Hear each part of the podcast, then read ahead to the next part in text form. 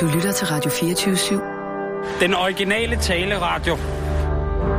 Velkommen til Huxi og det gode gamle folketing med Huxi Bak.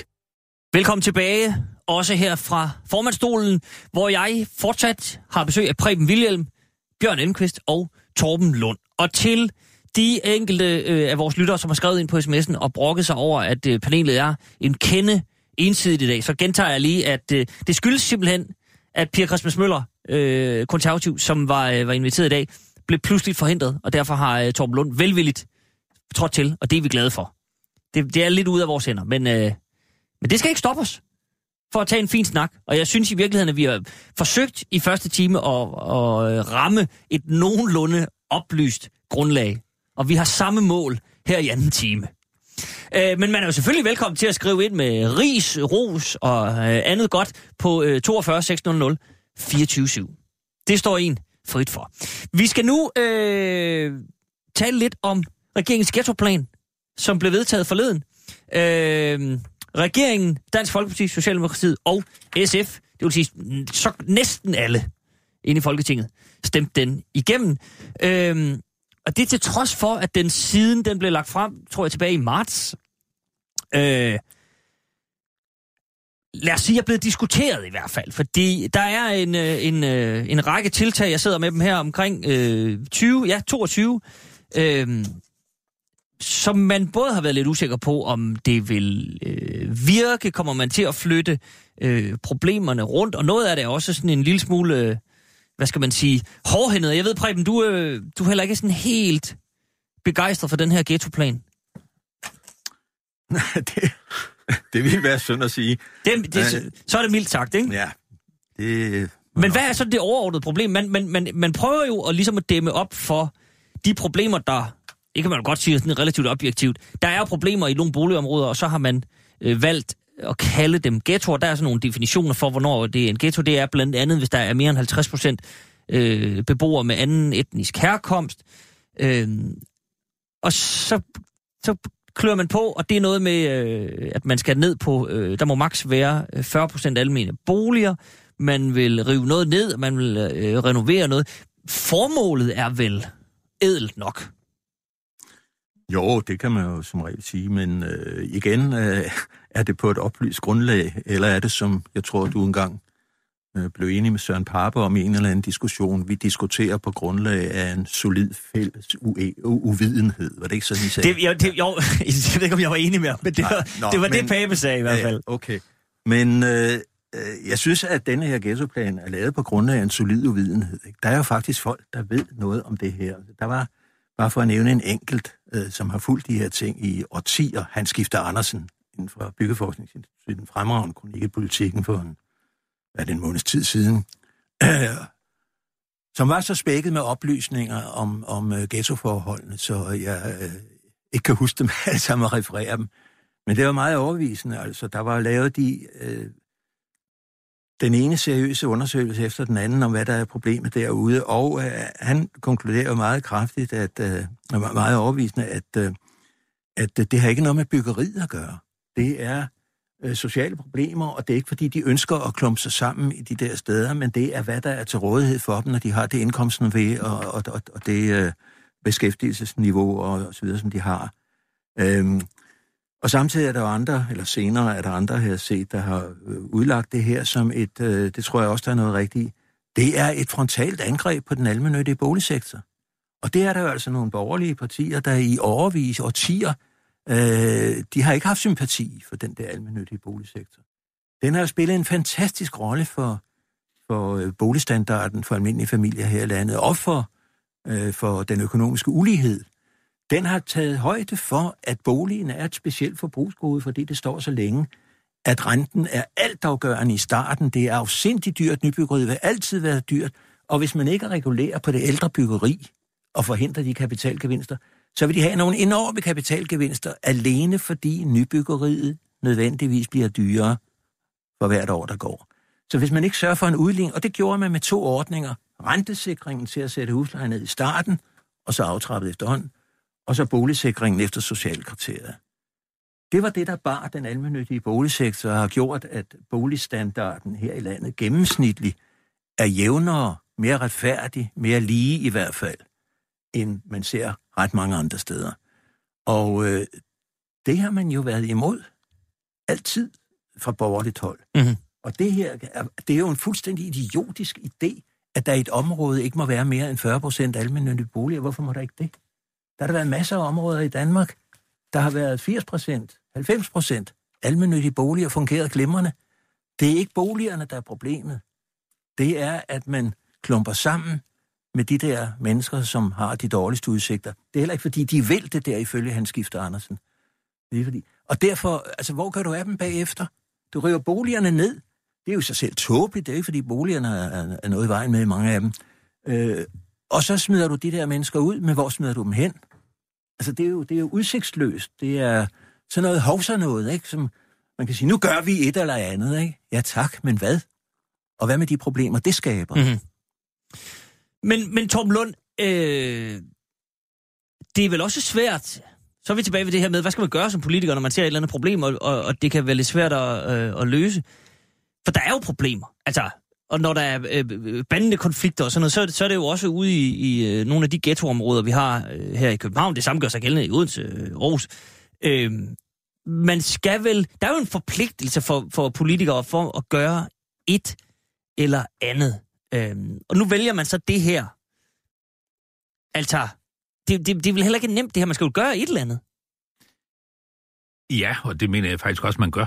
Men, øh, men altså, jeg er meget enig i det, øh, Preben siger. Altså, hele ideen med at lave de almindelige boliger øh, igennem de mange år, man har bygget dem, øh, var jo og er, øh, at, at man skulle have nogle boliger, hvor mennesker med relativt lav indkomst havde en mulighed for at få et ordentligt sted at bo. Det har været ideen med det øh, helt fra starten. Og det er klart, at man vil godt have en, en lidt bredere beboersammensætning, men det har jo været hele meningen med det, at man skulle sikre, at folk kunne få et godt sted at bo, selvom man ikke tjente ret mange penge. Mm. Og derfor er det ikke noget mærkeligt i, at der er øh, en, en del mennesker med sociale problemer i de pågældende områder, fordi det har jo været hele tankegangen det. Man kalder det også socialt boligbyggeri, har vi også kaldt det i, i nogle år. Øh, Så det, det er der slet ikke noget mærkeligt i.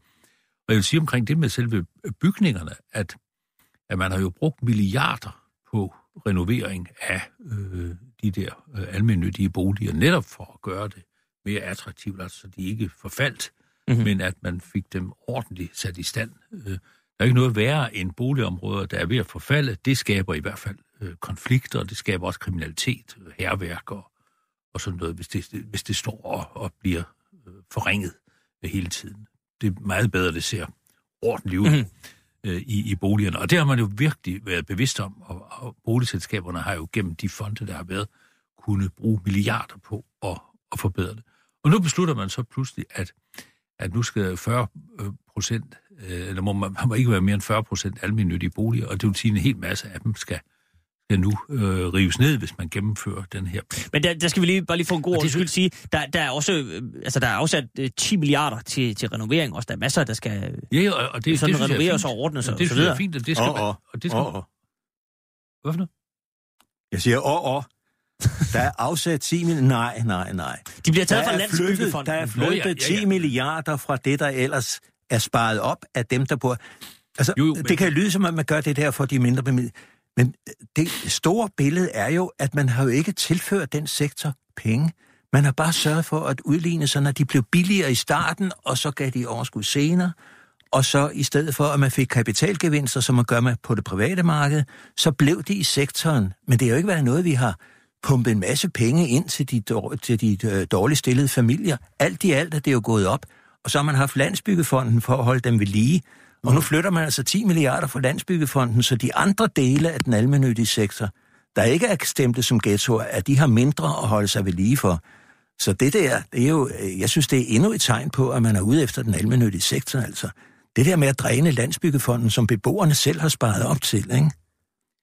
det, det, det- alt det der, det er jeg helt enig i. Men, men under alle omstændigheder er det jo godt, hvis der bliver øh, sørget for noget, noget renovering, og, og du har helt ret i, at man burde jo ikke tage pengene derfra, for de går så ud over andre øh, almindelige byggerier, som ikke får mulighed for at... Øh, Altså jeg kan sige, at Landsbyggefonden har også brokket sig, jeg tror faktisk, at oprindelige beløb var 12 milliarder, og nu er det nede på 10. Men, Men synes, det, det er helt afgørende her, det er jo, at man anerkender simpelthen ikke, at de almindelige boliger er jo lavet netop for at hjælpe mennesker med, med relativt lav indkomst, og ofte med kombineret med nogle, nogle sociale problemer. Og der mangler jo i den her sammenhæng fuldstændig en plan for, hvad gør man med de mennesker, der så i givet fald mister deres bolig. Altså nu bor jeg selv nede på øh, Vesterbro her lige om hjørnet, øh, og det er jo ikke muligt at finde en lejebolig nede på Vesterbro, som nogen af dem ville have råd til at bo i. Det er jo sindssygt dyrt, øh, selv på Vesterbro i dag, øh, og, og, og flytte ind. Øh, og, og købe nogen kan man jo da slet ikke. Øh, så hvor flytter man, hvor vil man flytte folk hen? Øh, man har bare en idé om, nu river man noget ned, og hvad så? Øh, der mangler jo fuldstændig en overordnet øh, plan for, hvad man vil gøre ved det. Øh, og det synes jeg egentlig er noget, noget af det aller værste. Og jeg har egentlig også lidt fornemmelse af, øh, at, at der jo her ligger også noget øh, etnisk. Altså, det er jo, det er jo fordi, man ikke, man kan ikke lide øh, alle disse mennesker med en anden øh, etnisk baggrund. Og det kommer jo oven i det med dobbelt straf øh, i de samme boligområder, at man vil tvinge øh, de små børn i, i, i daginstitutionen, i, i vuggestuer osv. Altså, der er, jo, der er jo sådan en helt øh, stribe af initiativer, som alle sammen har sådan en, en etnisk baggrund. Øh, og det har det her jo også. Jamen, altså, muligvis. Det er jo ikke noget, der er, er nedfældet, men der er jo, Bjørn Lindqvist, også nogle problemer med... Altså, der, vi har, og vi har talt om det før med, med, med strafzoner. Altså, det bliver simpelthen zoner, hvor straffen er højere, end hvis du går, havde jeg sagt, over på den anden side af fortorvet. øh, øh, der, hvor, hvor grænsen skiller og sådan noget. Er der, er der meget mere i det her, ser du også det, end øh, et ønske om, at få styr på nogle boligområder. Altså, øh, Preben er jo, er jo inde på, at det her det er også er jo en, en ideologisk manøvre, sådan set. Det, altså, det er nogle øh, borgerlige partier, som er trætte af den her almindelige øh, boligordning. Og derfor øh, ser man sit snit til at, at, at kalde det et, men i virkeligheden lave en anden manøvre. Jamen, jeg tror, øh, øh, ligesom Torben, at, at katalysatoren, det der har udløst det her, det er det opgør, der finder sted i øjeblikket af etnisk karakter. Fordi det er folk af anden etnisk oprindelse end, end, end os andre, øh, som, som, har, øh, som, som er blevet brugt, og som også reelt har udgjort et problem, hvis man ser det rent statistisk. Mm. Men når det er sagt, så, så, så hviler vi jo på vores egne ja, laverbær, kan man jo ikke kalde det. Men der er få lande, hvor der er så høj en regulering af boligsektoren, og anvisninger af boliger som i Danmark. Og det vil sige, der er næppe nogen af de folk, der har flyttet ind her, uden at de har fået det videre af kommunen.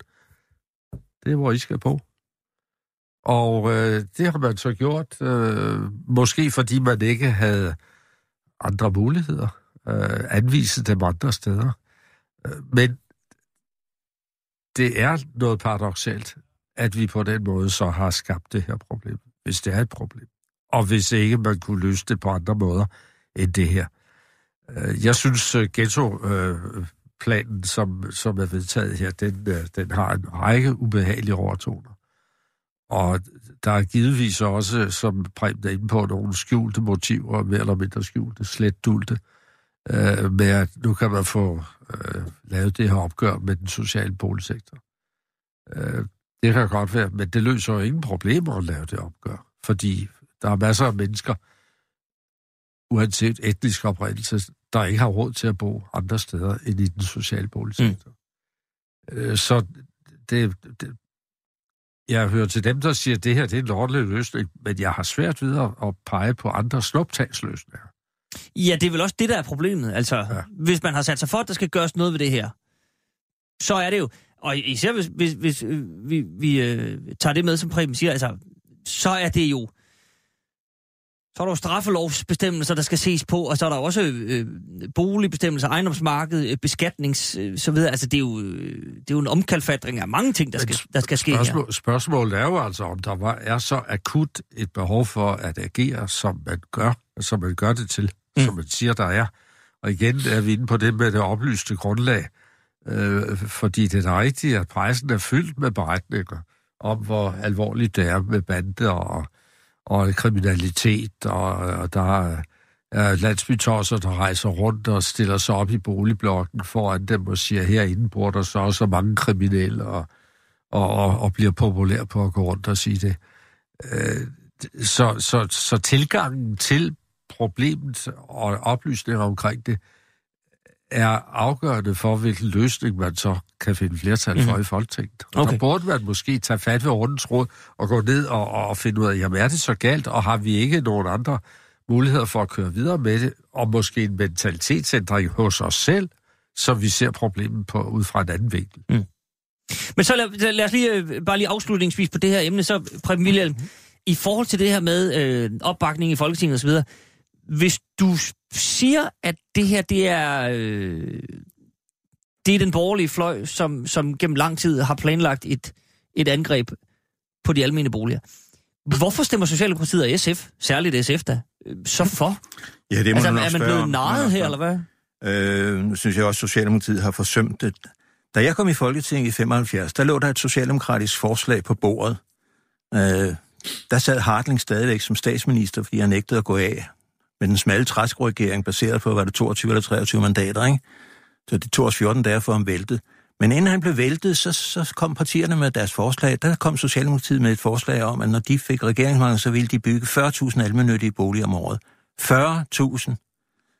Så gik der 14 dage, og så bliver alle de der forslag kaldt tilbage, og så kommer Socialdemokratiet, som nu sidder i regering med et forslag om, at de vil bygge 25.000. Det hånede jeg dem jo lidt for, det der skifte, og blev hylede ud af Per Hækkerup, der sad nede på ministerbænken og råbte til mig der. Ja, det var nærmest min jomfrutale, ikke? Det var lidt irriterende. Og påstod, at det var løgn, og jeg skulle læse bemærkningerne over. Det havde jeg gjort, det viser, at det var deres fejl. Nå, men alene det, at man nogensinde kunne tale om at bygge 40.000 almennyttige boliger om året, og selv da de gik i sig selv og fik regeringsmangel, sagde 25.000. Hvad er du nede på nu? 10? Det er jo ingenting. Det er jo ingenting til at holde balancen. 10 milliarder tager de fra Landsbyggefonden, som beboerne selv har sparet op til. Jamen altså, for at få det en lille smule i perspektiv, de sidste syv år før krisen, hvor det også gik rigtig hurtigt, det må jeg indrømme, de sidste syv år før krisen, der steg værdien af selvejerboligerne med 800 milliarder, uden at det blev beskattet med en øre. Ren kapitalgevinst. Lidt større end statens samlede budget på det tidspunkt. 800 milliarder. Og dem, når man bare går ud i forbrug og så videre, og så videre, og den næste generation skal betale for, at boligerne bliver så meget dyrere, det er jo fuldstændig tåbeligt altså. Mens den almindelige boligsektor har holdt pengene inden for sig selv. Der er ingen, der tjener, men der er en udligning, sådan at de nye boliger bliver noget billigere, og så kommer man til at betale mere i den. Men det går op i det lange løb. Ikke?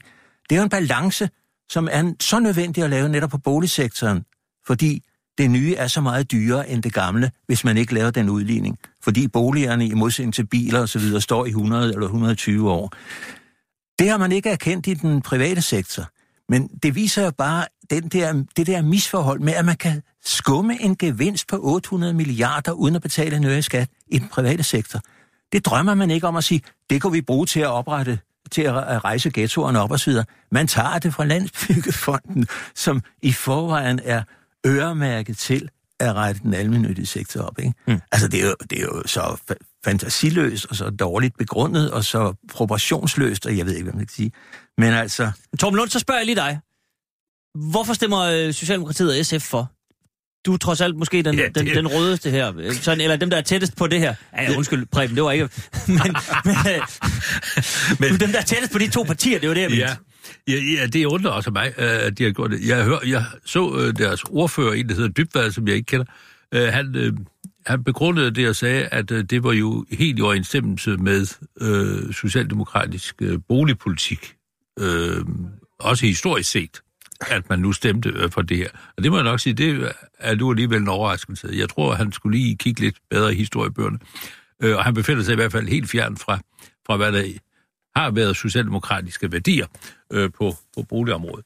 Var der noget, Socialdemokrater har stået for, så var det netop, at man skulle sikre, at der var tilstrækkeligt med almindelige boliger, sådan at folk med små indkomster havde et sted at bo. Og de blev bygget i stor, stor stil i 70'erne og 80'erne. Øh, det kan jeg da selv huske. Øh, og, også ude på Vestegnen blev der bygget rigtig mange, og, og der blev nok bygget for mange øh, tæt på hinanden. Men det ville borgmestrene jo have dengang. Siden mm-hmm. vendte de sig om, så blev de de der kritiske Vestegns borgmestre. Øh, men dengang annoncerede de efter, fordi de kunne ikke lege dem ud. De byggede nogle store fireværelses øh, lejligheder, og de kunne ikke lege dem ud. Og så annoncerede de efter øh, indvandrerfamilier, øh, der kunne øh, bo der, øh, fordi de, det var som regel, øh, de kunne være store familier. Øh, og sådan var forholdene jo dengang. Men da de så fik for mange af dem, så vendte de jo fuldstændig op, og så blev de sure over, at de havde for mange. Øh, men sådan var forholdene jo. Øh, men, men det er jo øh, sandheden om, hvordan øh, der blev de mange boliger også på Vestegnen, at det var jo noget, borgmestrene og kommunalbestyrelserne ude i Vestegns kommunerne gerne ville bygge øh, for at udvikle deres kommuner. Og det var det, de gjorde. Øh, og det var alle jo sådan set, jeg ved ikke, de borgerlige var, men, men alle var jo godt tilfreds med, at der blev bygget mange boliger, sådan at folk øh, kunne få et sted. Øh, og nogle gode boliger, det var jo gode boliger øh, at flytte ind i. Øh, men hvorfor Socialdemokraterne nu øh, øh, laver det her? Altså, jeg tror, det har noget med det der med det etniske at gøre. Øh, altså, man er simpelthen så bange for øh, at komme til at stemme øh, imod noget, som Dansk Folkeparti og regeringen øh, gør, der øh, kunne genere øh, mennesker med anden etnisk baggrund. Dem vil Socialdemokrater nødig øh, stå og forsvare. Sådan det, er det jo det er sådan er det desværre blevet. Det må vi se. Det må vi sande. Godt, vi sætter et punktum for den sag øh, her, og så vil jeg bare sige til øh, nye lyttere, som måtte være steget på lige nu, at det her det er Radio 24 Du lytter til det gode gamle Folketing. Jeg har besøg af Torben Lund, Bjørn Elmqvist og Preben Vilhjelm. Og øh, så er der en ting, vi lige skal øh, tale lidt om, fordi det, altså, hvis der er noget, der ligger formanden på sinde, så er det jo klimaet. Til vi bor alle sammen i det. Øh, og for noget tid siden fremlagde regeringen sin øh, store klimaplan. Den er der så blevet øh, prikket lidt til. Det var jo det her med 1 million elbiler i 2030, som, som Lars Lykke præsenterede. Han har så en plan for de 1000 af dem. Resten står lidt hen i det uvisse. Og nu er der så kommet en rapport fra Klimarådet. Og Klimarådet er altså et organ, som er regeringens nedsat for at rådgive og støtte den siddende regering til at tage nogle fornuftige øh, beslutninger på klimaområdet. Og de er ude at kritisere øh, og siger sådan kort fortalt, at der er nogle gode takter, men at problemet er, at den klimaplan, der er blevet lagt, simpelthen sætter tempoet ned. Der er for mange skrivebordsøvelser med, at man, man øh, sænker øh, CO2-udledningen i princippet, men det er mest fordi man øh, sælger nogle kvoter, og man sætter sin lid til nogle, øh, det er noget, der hedder LULUCF, det, og så bliver det meget teknisk, men det er noget om, hvordan man binder øh, CO2 i træer og i, i jorden osv., og, og det er noget mere, det regner man med, kan lade sig gøre, men det er meget usikkert, men man har taget de sådan, mest optimistiske beregninger osv., øh, og der er Klimarådet så ud og sige, jamen altså, det ser på papiret fornuftigt ud, men det giver bare en opbremsning i den ellers fornuftige hidtidige grønne omstilling, vi har haft i Danmark. Øhm, det der så, ja, altså i overskriftform sagde de faktisk, det er urealistisk og uambitiøst. Øh, og det er måske ikke så godt. Men se, igen rammer vi øh, det problem, at øh, regeringen så, og med Lars Christian Lilleholdt i spidsen, siger, Jamen, øh, ja, jeg kan sige præcis, hvad jeg siger faktisk, for jeg har citatet her. Jeg deler ikke Klimarådets opfattelse af, at der ikke er tempo i de tiltag. Vi når fuldt ud de mål, vi har forpligtet os til i 2020, og med tiltag, der ligger fra 2030, øh, så når vi også øh, de massive reduktionsmål, vi skal nå der. Og han siger flere gange, jeg tror på det her. Men jeg ved ikke rigtig, altså, er tro nok, Bjørn Lindqvist? Nej, det er det jo ikke og det her øh, viser jo desværre det, der ofte sker, at øh, man kan opstille nogle ambitiøse mål for, hvad vi skal gøre om 5, 10, 20 år. Og når så man bevæger sig derhenad og skal til at øh, konkretisere mm-hmm. og gennemføre dem, så øh, ikke bare svigter modet, men så svigter lysten til det, fordi så opdager man, hvor upopulære og besværlige tingene kan være. Det bliver dyrt lige pludselig. Og det bliver dyrt, og, og så er der en anden aktuel situation, der trænger sig på, og, og for mig at se, øh, tørken vi havde øh, igennem året øh, her i sommer, og øh, problemerne for landbruget, øh, der lige pludselig gjorde, at, øh, at, at, at man måtte prøve at finde nogle løsninger for den, nogle mere eller mindre kortsigtede, som kunne hjælpe dem nu og her.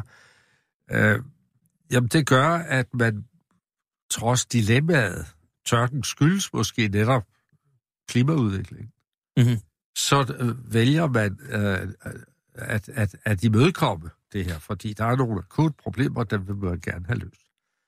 Og, og, og på den måde, der, der, der, der ender vi altså i en situation, hvor vi rækker efter stjernerne, og så snubler vi over stenene på vejen lige foran os, fordi vi ikke rigtig får set os for og mm. får gjort noget ved dem. Øh, det er, øh, det er svært at, at, at, at forestille sig, øh, at, at, at man vil rette ind efter det, som Klimarådet har sagt. Det har jeg det har han jo nærmest blankt afvist. Ja, altså. og, og, og det har jo nok at gøre med igen, at vi er tæt på et valg.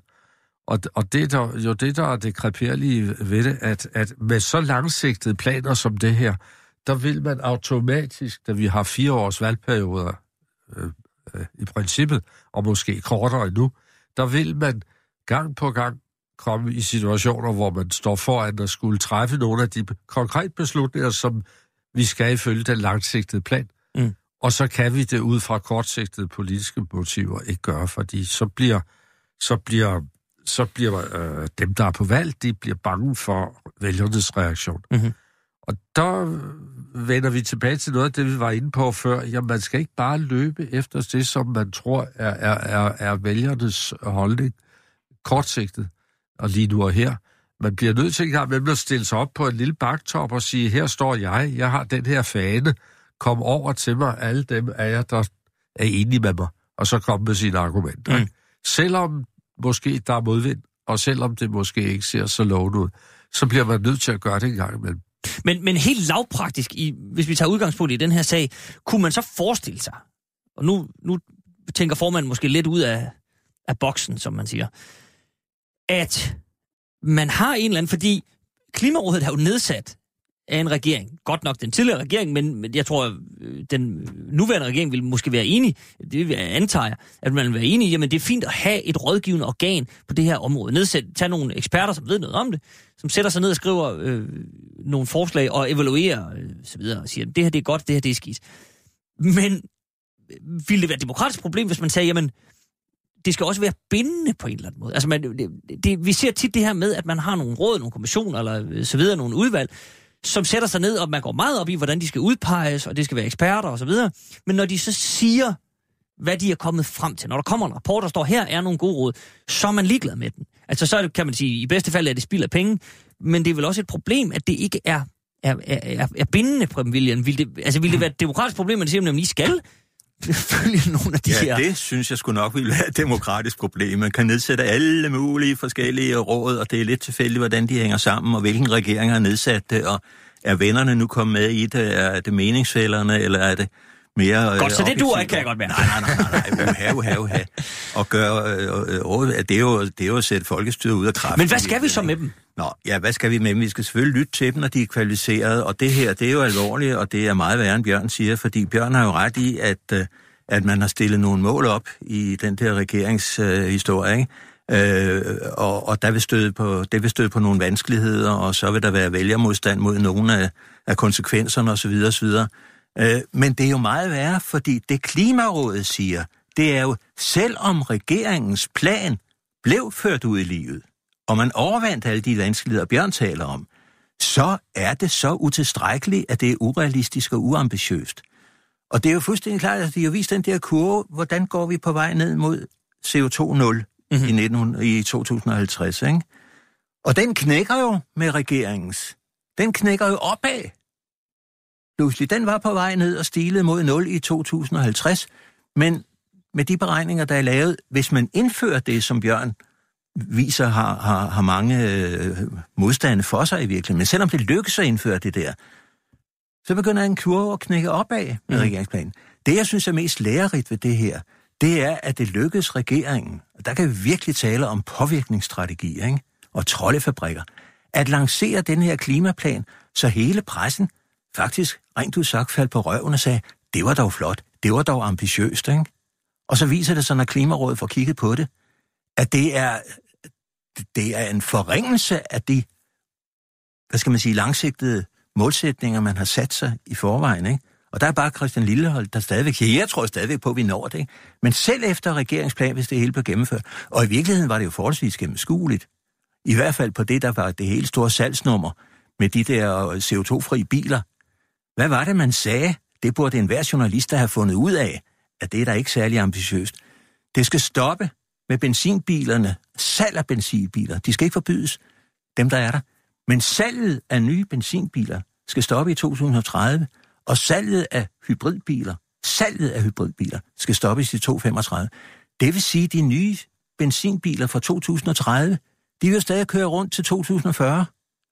Og de nye hybridbiler, som i øvrigt ikke sparer noget CO2, det er også en fejl, man har begået i den der. Det viser jo, kunne man afsløre nogle dage efter, at de sparer faktisk ikke noget CO2. Men hybridbilerne, de vil jo kunne køre videre til 2045, hvis man siger sådan 10 års øh, funktionstid. Ikke? Det er jo alt for langt ude i forhold til. Men teknologien går altså på det her punkt, det er ikke som Dansk Folkeparti påstår, hurtigt nok til, at det skal løse sig af sig selv. Elbilerne bliver ikke hurtigt nok. De skal nok blive det med tiden, men det går ikke hurtigt nok. Det er derfor Klimarådet siger, hvis I vil det der, og have, 100, at have 1 million øh, øh, elbiler på gaden i 2030, og samtidig have stoppet for nogle af de andre der, så er jeg altså nødt til at favorisere elbiler i en periode. For det går ikke med markedskræfterne alene. De foreslår, at det er et tilskud på 50.000 for en elbil. Det hjælper ikke så meget på Teslaerne, men det hjælper på de mindre elbiler, som er dem, der kan klare problemet for os, fordi der er mange flere, der vil kunne anskaffe dem det der. Så det er jo selv om regeringens plan blev gennemført, og Bjørn har ret i, at det kan i sig selv blive vanskeligt, for de har ikke fremvist noget som helst om, hvor de vil få alle de der penge fra, og hvad de i øvrigt vil gøre. Selvom det blev gennemført, så har Klimarådets kritik gået på, at selv i så fald er det uambitiøst. Så det er virkelig enorme problemer, vi står overfor. Og jeg synes altså, det er, det er tankevækkende, at den klimaplan stort set blev et af hele pressen som noget, der var kommet ned fra himlen, og nu blev problemerne løst. Så Torben Lund, rammer vi igen her det her med oplyst grundlag? Altså at, yes. at politikerne kan stille... Altså Lars Lykke burde have stillet sig op og sagt, jeg har en plan for 1000 elbiler i 2030 men øh, får ja, lanceret... Den er lidt uretfærdig, den der. Som han... Øh, øh, nå, men det er jo bare, hvis man går ned i de der tal, så er der jo en plan for de første 1000 biler. Og så, så, så, så siger Lillehold af ham, at så må man ligesom... Så sætter man sin lid til, at teknologien øh, øh, ja, jeg lige sig af, Jeg synes, den er lidt uretfærdig, fordi det, det, de har sagt, det er kun, at der er kun garanti for de første 1000 elbiler i de første to år. Men der er jo immer væk 12 år til 2030, ikke? Så den, den, er lidt, den blev lidt for hårdt kørt op i pressen, da man fandt ud af, at, at ministeriet selv havde, havde beregnet sig frem til, at der kun kom 1000 eller 2000 elbiler. Så var de i de første to mm. år. Okay. Det forhindrer jo ikke, at der kom skub i det bagefter, men det er der ikke gjort noget for. Det er så rigtigt. Godt. Så er den klarificeret. Men, men, men er det det? Altså, så, så, det er bare fordi, vi kan lige så godt tage det hele i dag. Så, så, ja, så, ja, lad os løse det. Så når vi også lige skal have styr på klimaet, så handler det igen om det oplyste grundlag, og ikke kun for, hvad, hvad, vi, som, øh, hvad vi som borgere øh, ligesom, øh, bliver udsat for, men også hvad journalisterne skal kunne kapere, og hvad politikerne, jeg vil lige vil sige, må sige det, der skal jo selvfølgelig være, stå en frit for, men at vi skal kunne gennemskue det. Jamen, jeg synes jo egentlig, at Bjørn og, og, og Preben har beskrevet meget godt, øh, hvad skal vi sige, øh, hele problematikken i forhold til med regeringsudspil og i forhold til øh, Klimarådets øh, kommentarer og rapport øh, omkring regeringsudspil. Altså, det er jo, det er jo meget rigtigt øh, beskrevet.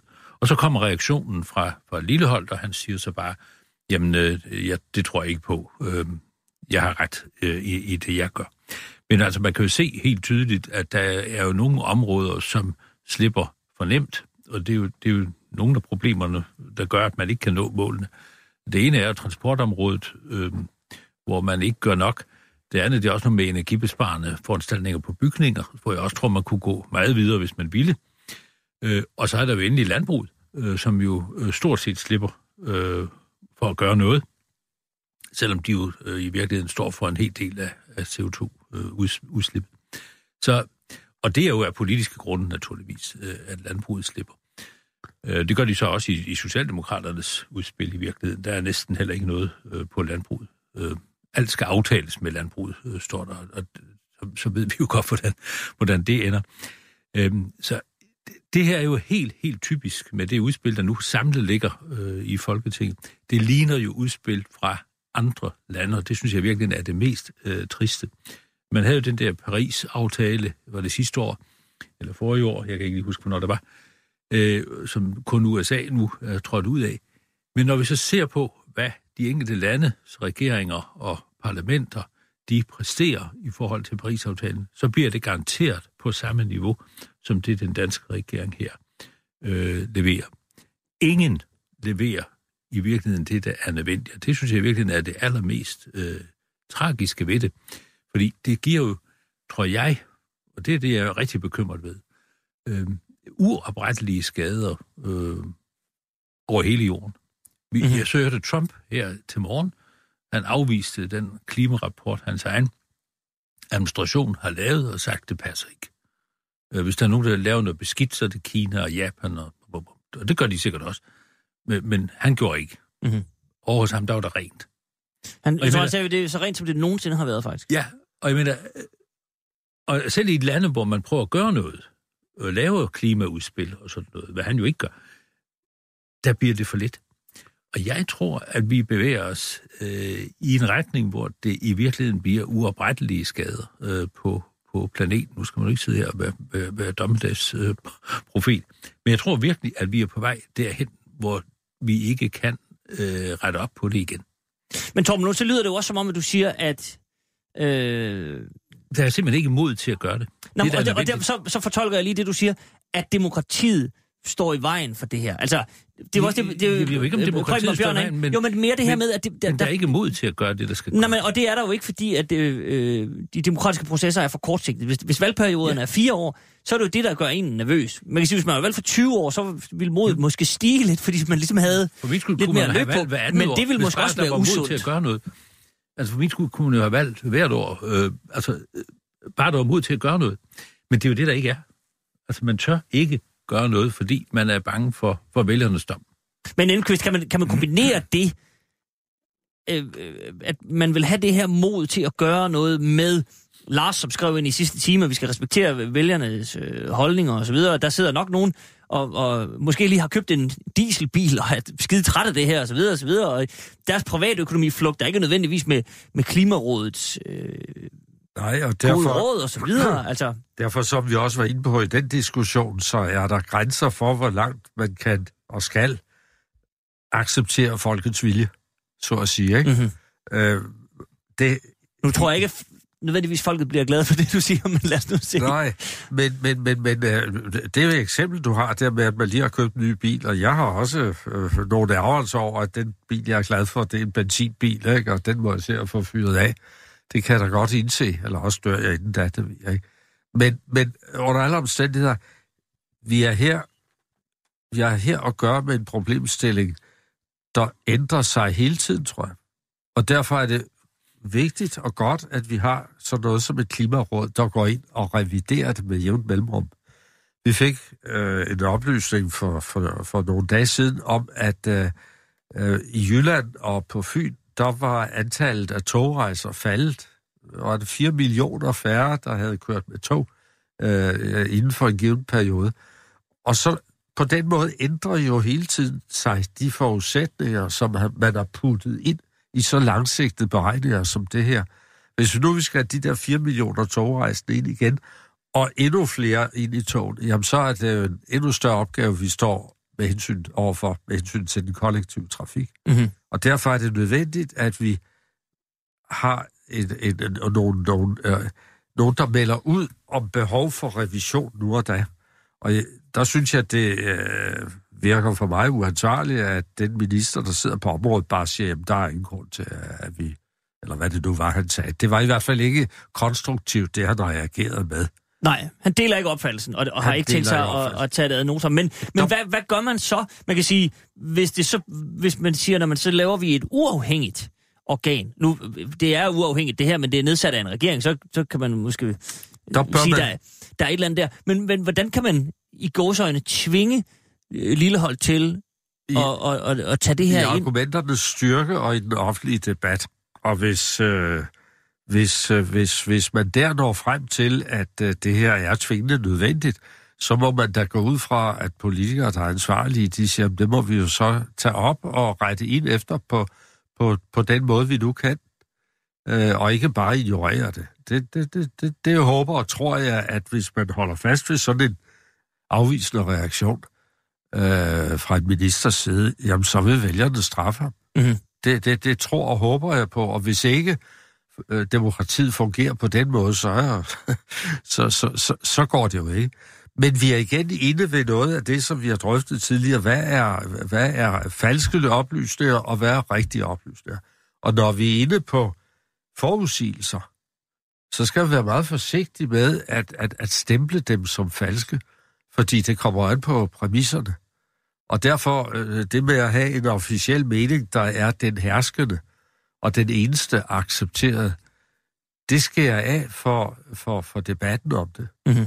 Og jeg mener, når nu Klimarådet har spillet ud og er kommet med deres øh, kritik og deres måske anbefalinger af, hvordan man bør revidere, så vil der jo givetvis også komme nogen fra den anden fløj, altså Bjørn Lomborg, eller hvad det hedder, der vil, der vil reagere og sige, jamen der har vi det igen. Det her, det er menneskeskabt i den forstand, at forudsigelserne og hvor galt det vil gå, det er det menneskeskabte, hvorimod klimaet som sådan nok skal klare sig selv. Så lad os få en diskussion om det, og, og, og, og få det belyst fra flere vinkler, øh, så man ikke bare har en, en, en, en, en sandhed for så vidt går forudsigelser, Mhm. mm-hmm. som måske kan ændre øh, det, det forkerte sted. Jeg mener, i den henseende er det, klogt at blive, er det godt at blive klog af, af Brexit-debatten, fordi folk, øh, der er mange, der er travlt med at stemple på, at, at det var en forkert beslutning, de traf i Storbritannien i sin tid ved den folkeafstemning. Jamen, når nu folket ville det, så må man jo prøve på at indrette det politiske liv og, og, og, og virkeligheden dertil, og så må vi se ad over, om det var en rigtig eller en forkert beslutning. Mm. Men, men øh, vi bliver nødt til at acceptere, at ved forudsigelser, der kan der måske være flere meninger end bare en. Prem William, øh, når det kommer til det her klima noget, der, der kan formanden blive en lille smule øh, nervøs for, som jeg, som jeg prøvede at stikke lidt til Torben Lund med det her med, om, altså om demokratiet nærmest står i vejen for det. Fordi hvis der skal ske en eller anden øh, øh, altså omkalfatring, så det tager for lang tid, og så skal man, øh, 179 mennesker skal blive enige, og de vil det ene, og de vil det andet, og de skal genvælges, og der er, der er det ene og det andet.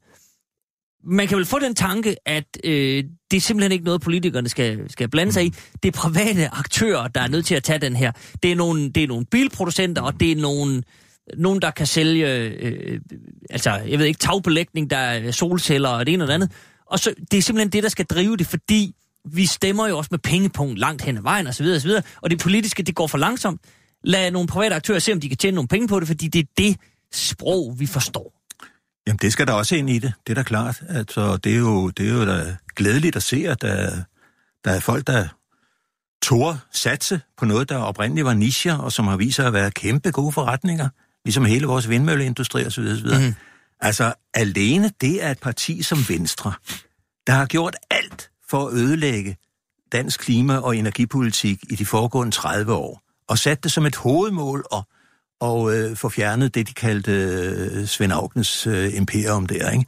Og fik, Altså Miljøministeriet. Ja, og fik, øh, fik øh, aflyst nogle vindmølleparker, og i det hele taget altså har været i den grad på det modsatte hold. Nu føler sig nødt til at øh, virkelig lancere sig selv som et klimabevidst parti. Og de konservative, som heller ikke har været, bortset fra, fra øh, Hedegaard, øh, ikke været særlig opmærksom på det her område, også vil gøre sig til de blås øh, enige klimaparti. Hvorfor er de det? Det er de da, fordi befolkningen har vist, og derfor skal formanden ikke være så bekymret, fordi den demokratiske Det er en grundindstilling. Befolkningen, jamen det er også fint nok. Skeptisk, men... Gør jeg godt. Ja. Men øh, det er jo det er da, fordi befolkningen i højere og højere grad øh, er blevet klar over, at det her det er altså er liv og død for deres børnebørn, og, og prioriterer det her område meget, meget højt. Og det er jo et svært område, og derfor er det utrolig glædeligt at se, at befolkningen øh, er så ansvarlig. Det er et meget svært område, fordi Vi kan, vi kan jo lige så godt indrømme, det er jo en dråbe, vi kan bidrage med, fordi det her klimaproblem er globalt. Ikke? Men det, at der er en vilje til at gå foran, og der skal jo være nogen, der går foran. Og det burde være Danmark, det burde være Skandinavien, som så ofte før på sådan nogle ting. Ikke? Og det ser ud til, at befolkningen er mere villig til end politikerne. Politikerne kommer slæbende bagefter, men de kan altså se signalerne, så de lader sig slæbe bagefter. Øhm, det synes jeg, der er glædeligt, og øh, det, det er der, der vi øh, kan se håbet om. Så er der altså en hørte, som vi slet ikke har snakket om. Bjørn talte om de der ting, som de lægger frem med, som vil være vanskelige at gennemføre. Det er allerede, Klimarådet påviser så, at det er jo ikke engang nok, som jeg så videreførte det med, ikke? Mm-hmm. Der skal mere oveni. Men så kommer det tredje. Kan vi overhovedet få lov til det af EU? Fordi det kræver, at man går foran. Der kan komme nogen og sige, at det er konkurrenceforvridende, jeg ved ikke hvad.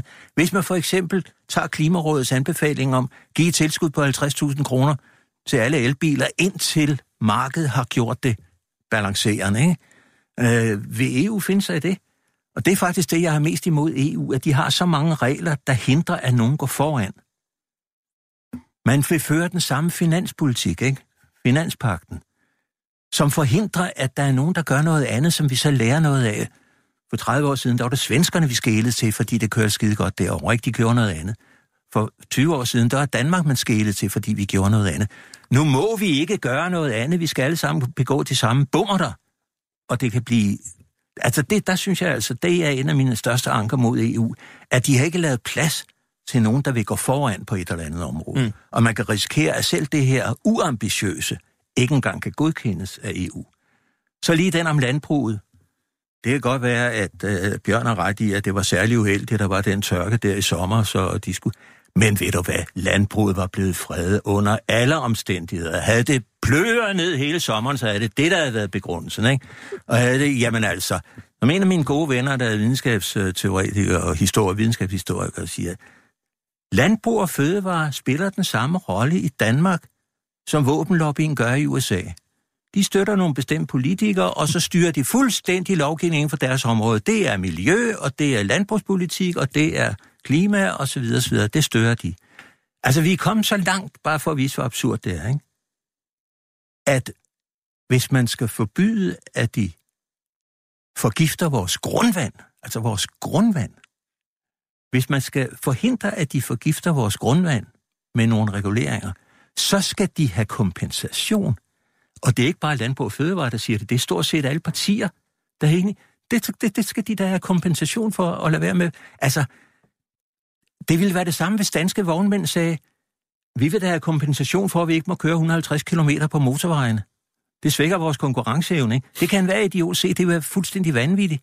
Men det er da ikke mere vanvittigt, end at landbruget skal have kompensation for ikke at forgifte vores grundvand.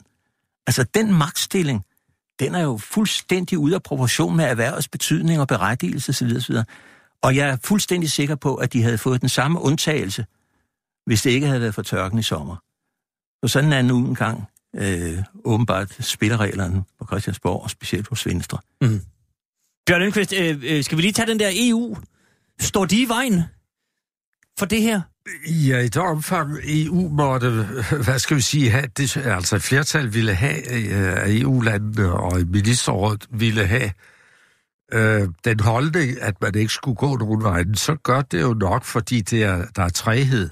Omvendt, så er der vel også fornemmer jeg en lydhørhed, øh, for eksempel i Europaparlamentet, og i visse dele af Europaparlamentet, for den øh, indstilling, som jeg også fornemmer vinder frem hos folk, hos vælgerne, at, at der må gøres noget.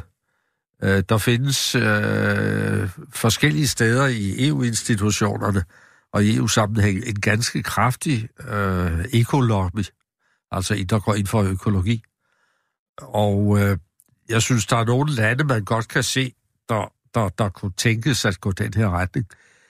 En ting, jeg tror vil være ganske afgørende for folks holdning til det her, det er, at man får forbedret batteriteknikken.